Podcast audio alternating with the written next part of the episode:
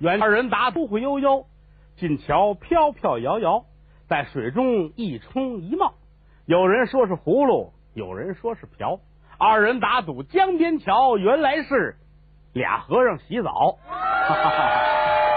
开个玩笑，感谢朋友们啊！您又准时的收看我们的喜剧茶馆。这里边呢，我代表栏目组谢谢大家。首先说啊，您是支持我们这事业啊。做演员来说，就怕没有人看。你说的天好，哪怕你再是艺术家，没有人看你，没有人欣赏你，也是白搭。做个演员不容易，尤其是颂说演员，要求很多啊。第一，这个头脑反应要快；第二，嘴里不能有毛病，什么咬舌、见舌、大舌头、结语这些个一概不行。而且要广览多读，什么都得学，什么都是我们的老师。那最简单来说，方言土语可能您不注意，那么我们来说都得当成一种功课去学习。是不是啊？啊，一个演员掌握各种方言，你能更好的表现你要表现的人物。这个方言挺有意思。你说这个都在天底下啊，每个人说话这味道就不一样。有的时候搁着一趟河，河这边和那边，他语言就两种。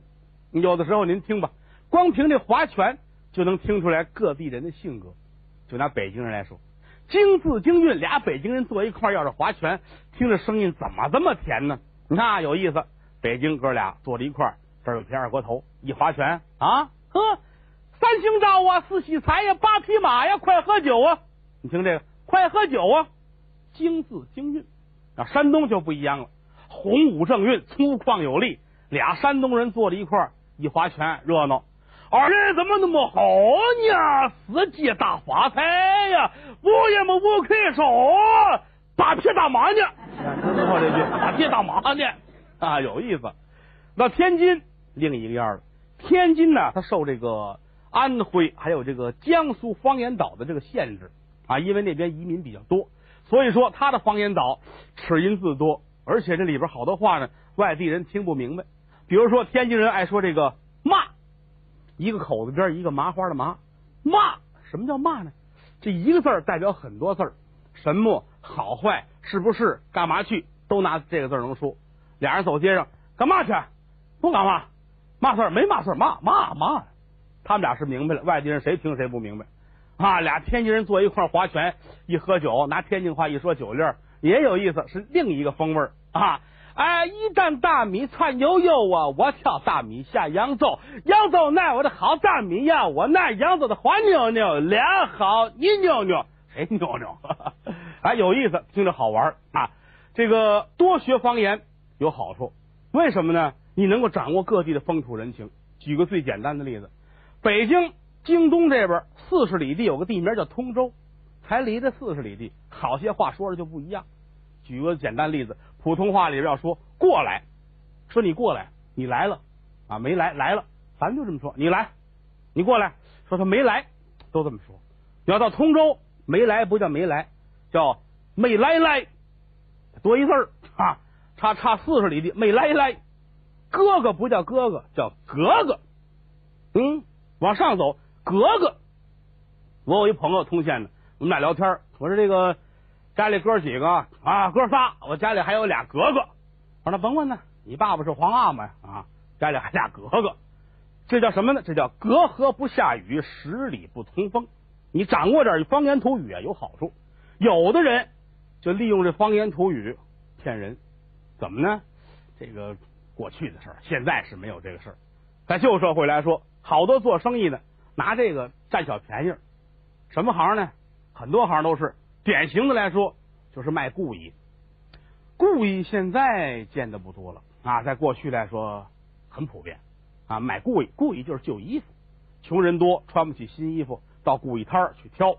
啊，其实好多衣服呢，一个是二手的，一个就是家里人呢破破烂烂不要的，还有的呢是过去死人穿的，回来之后洗一洗、熨一熨，把这衣服一挂，你去买去，各地都有，天津呐、陕西呀、上海呀、山东啊、北京各处都有，而且卖故意，他还讲究吆喝啊，这个挺有意思，每个地儿吆喝的方法还都不一样，这挺有意思啊。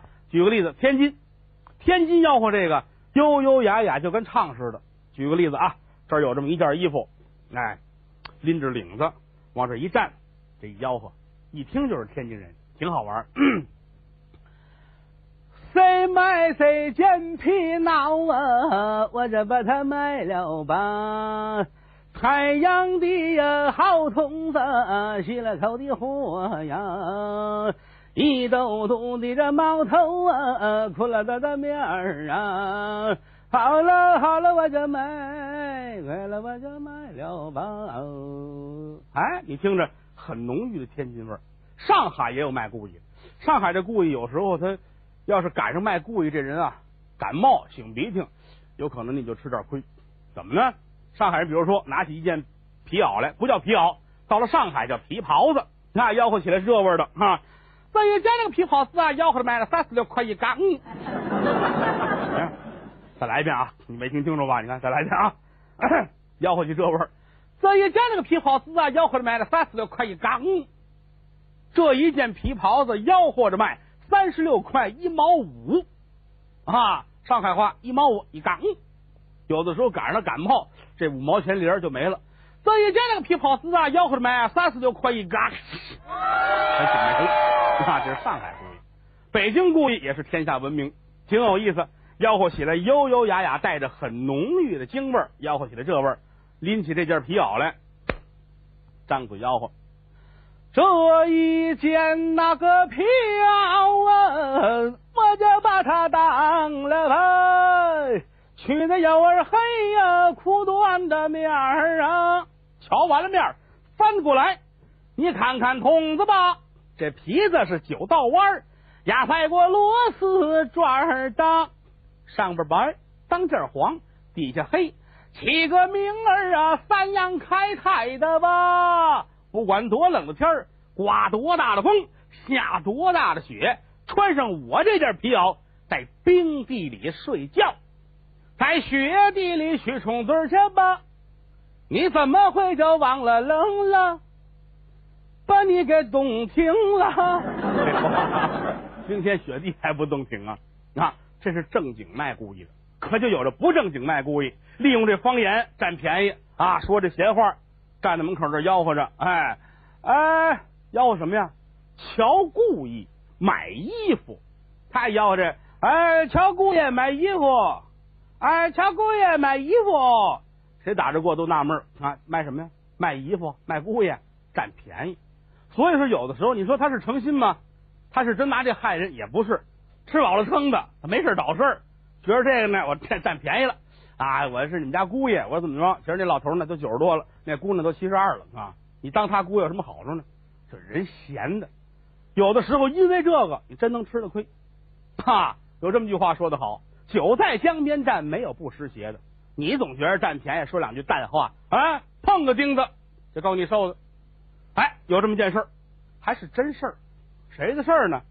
就是刘墉的事儿。刘墉刘世安啊，刘罗锅他的事儿。这个李氏胡同啊挺长，他们家呢是个大宅子。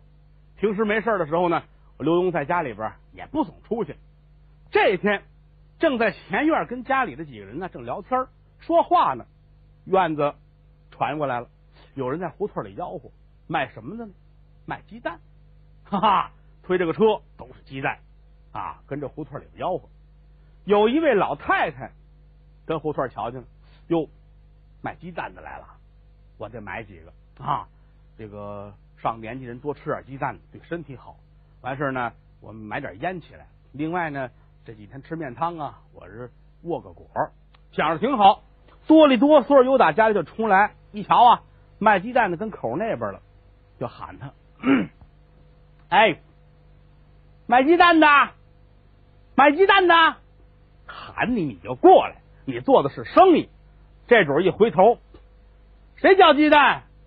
话说的多三清子，谁叫鸡蛋？老太太没明白。哎，我叫鸡蛋。好嘞，你叫鸡蛋是吧？过来了，占便宜有什么用啊？这个啊，来了跟前儿，给老太太拿着鸡蛋啊，挑好了，买了点走了。他自个儿跟这乐。哎呀，这么大岁数没名儿，他叫鸡蛋，好玩啊！哎呀，要不说做买卖有意思，不光挣钱，他找乐。哎呀，鸡蛋，这吆喝着，吆喝一会子没有人，推着这个车子，他往头里走。刘墉站在台阶上面，全看在眼里头。哎，你做的是生意，你这废话干嘛呀？啊，这么大岁数一老太太，买你点鸡蛋，还不够你嘚不嘚嘚不嘚的？问人叫什么？哎，鸡蛋。他可聪明，他不吃这亏，拿手一指，鸡蛋，直接喊卖鸡蛋的听呀，这茬老啊，直接喊鸡蛋，一扭头，谁叫鸡蛋？刘墉乐了，你过来吧，鸡蛋，嗯，来，怎么了？小刘墉吃你这亏？呵，你说这茬老啊，摸头又回来啊？怎么着，少爷？你瞧咱这鸡蛋啊，个顶个都这么大个，净双黄蛋啊，天也热。您来点这个啊，把它腌上，甭多了，有一个月吃这有油了就啊。哦，鲜吗？您瞧，咱们做买卖信义为本，哪能不鲜呢？是不是？来，您来点，怎么卖啊？嘿，嘿，您这您您您就拿您的，这还不好说吗？你瞧您这宅门，谁不知道啊？哈我还能跟您多要吗？嗯，不过你这鸡蛋。猴顶灯啊！什么叫猴顶灯？卖鸡蛋做买卖的，他把这小鸡蛋呢，搁在底下，大个的鸡蛋放在上头。这有个名词，这叫猴顶灯。凡是买东西的人呢，都有这个心态，觉得底下的更好。你叨腾吧，你一叨腾，你把上边的全叨腾底下去了，那小鸡蛋你就拿出来了。这做买卖人都算得精了哈，买的没有卖的精。你觉得你翻腾来翻腾去，翻腾大的都是小的，挑花了眼了就哈。刘墉一瞧，您这猴顶灯啊，哎，没有，绝不可能，哈哈哈！您摘摘出小的来，您摔了它，算我的。行嘞，一伸手奔这筐里边就拿，一抓没少拿六个，左手三个，右手三个，歘，抓过来这六个往哪搁？一回头，他们家是大宅门，门口这儿有上马石，石头的啊，是个谷子形。除了进去上轿子或者上马，踩着这个呢，能借点劲儿。天热，家里人呢，小孩们呢，愿意跟门口坐那儿，说凉快会儿呢也成。这叫上马石啊！现在北京城很多老宅门胡同里边还能见着这种东西。呃，根据上边的图文花样，能够考究出很多的历史知识来。现在有些专家正在做这方面的工作啊。上马石，抓过这六个鸡蛋，一扭头。就放在上马石上了。如果说稳稳当当的放，搁在这儿没问题。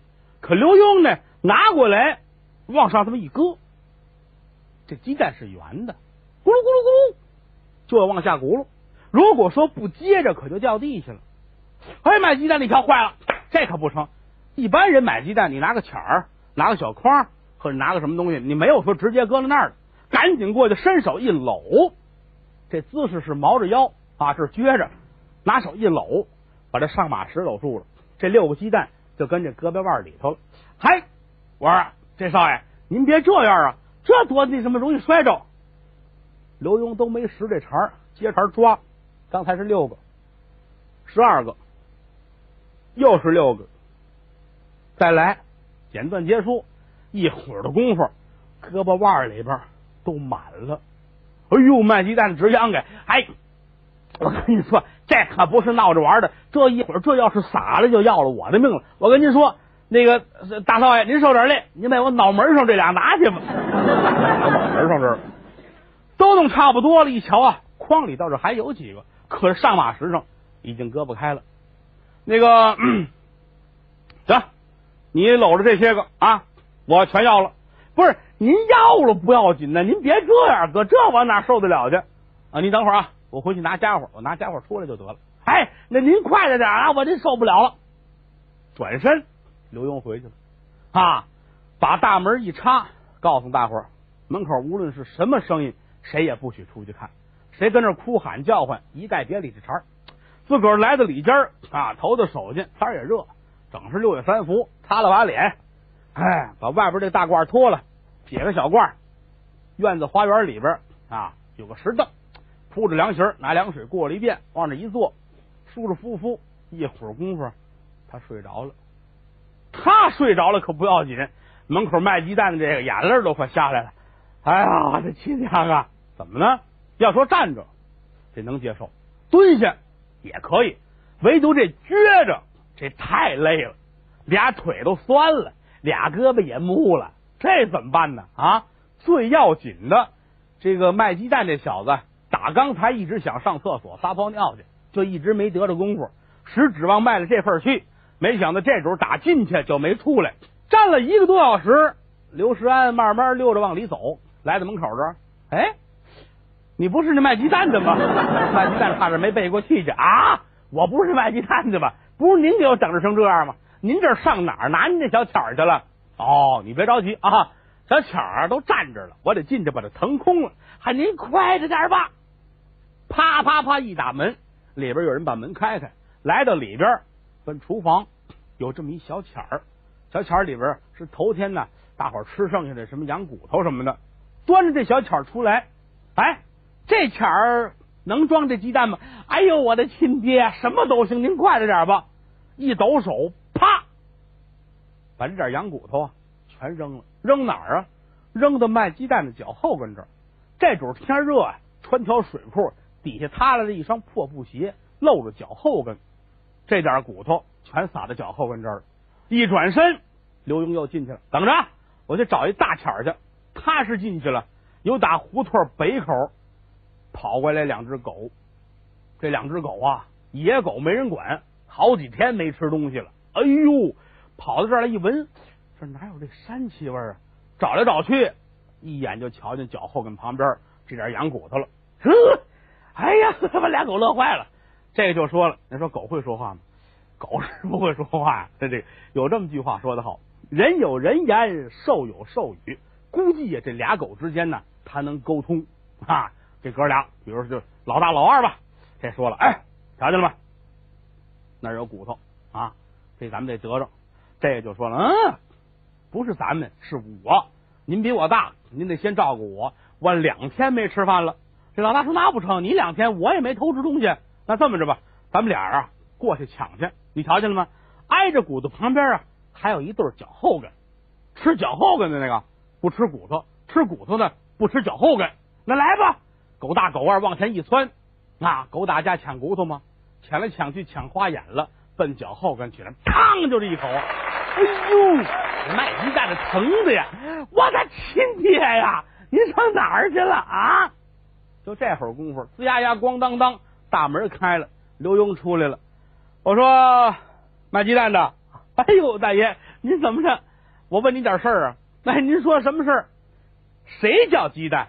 哎，不是，我您怎么串到这儿去了？串到这儿，是方才胡同里老太太买鸡蛋，你张嘴跟人找便宜，管人叫鸡蛋，你那儿做对吗？哎呦，我跟您您说，我知道我错了，我改，打这起我再也不这样了，成不成？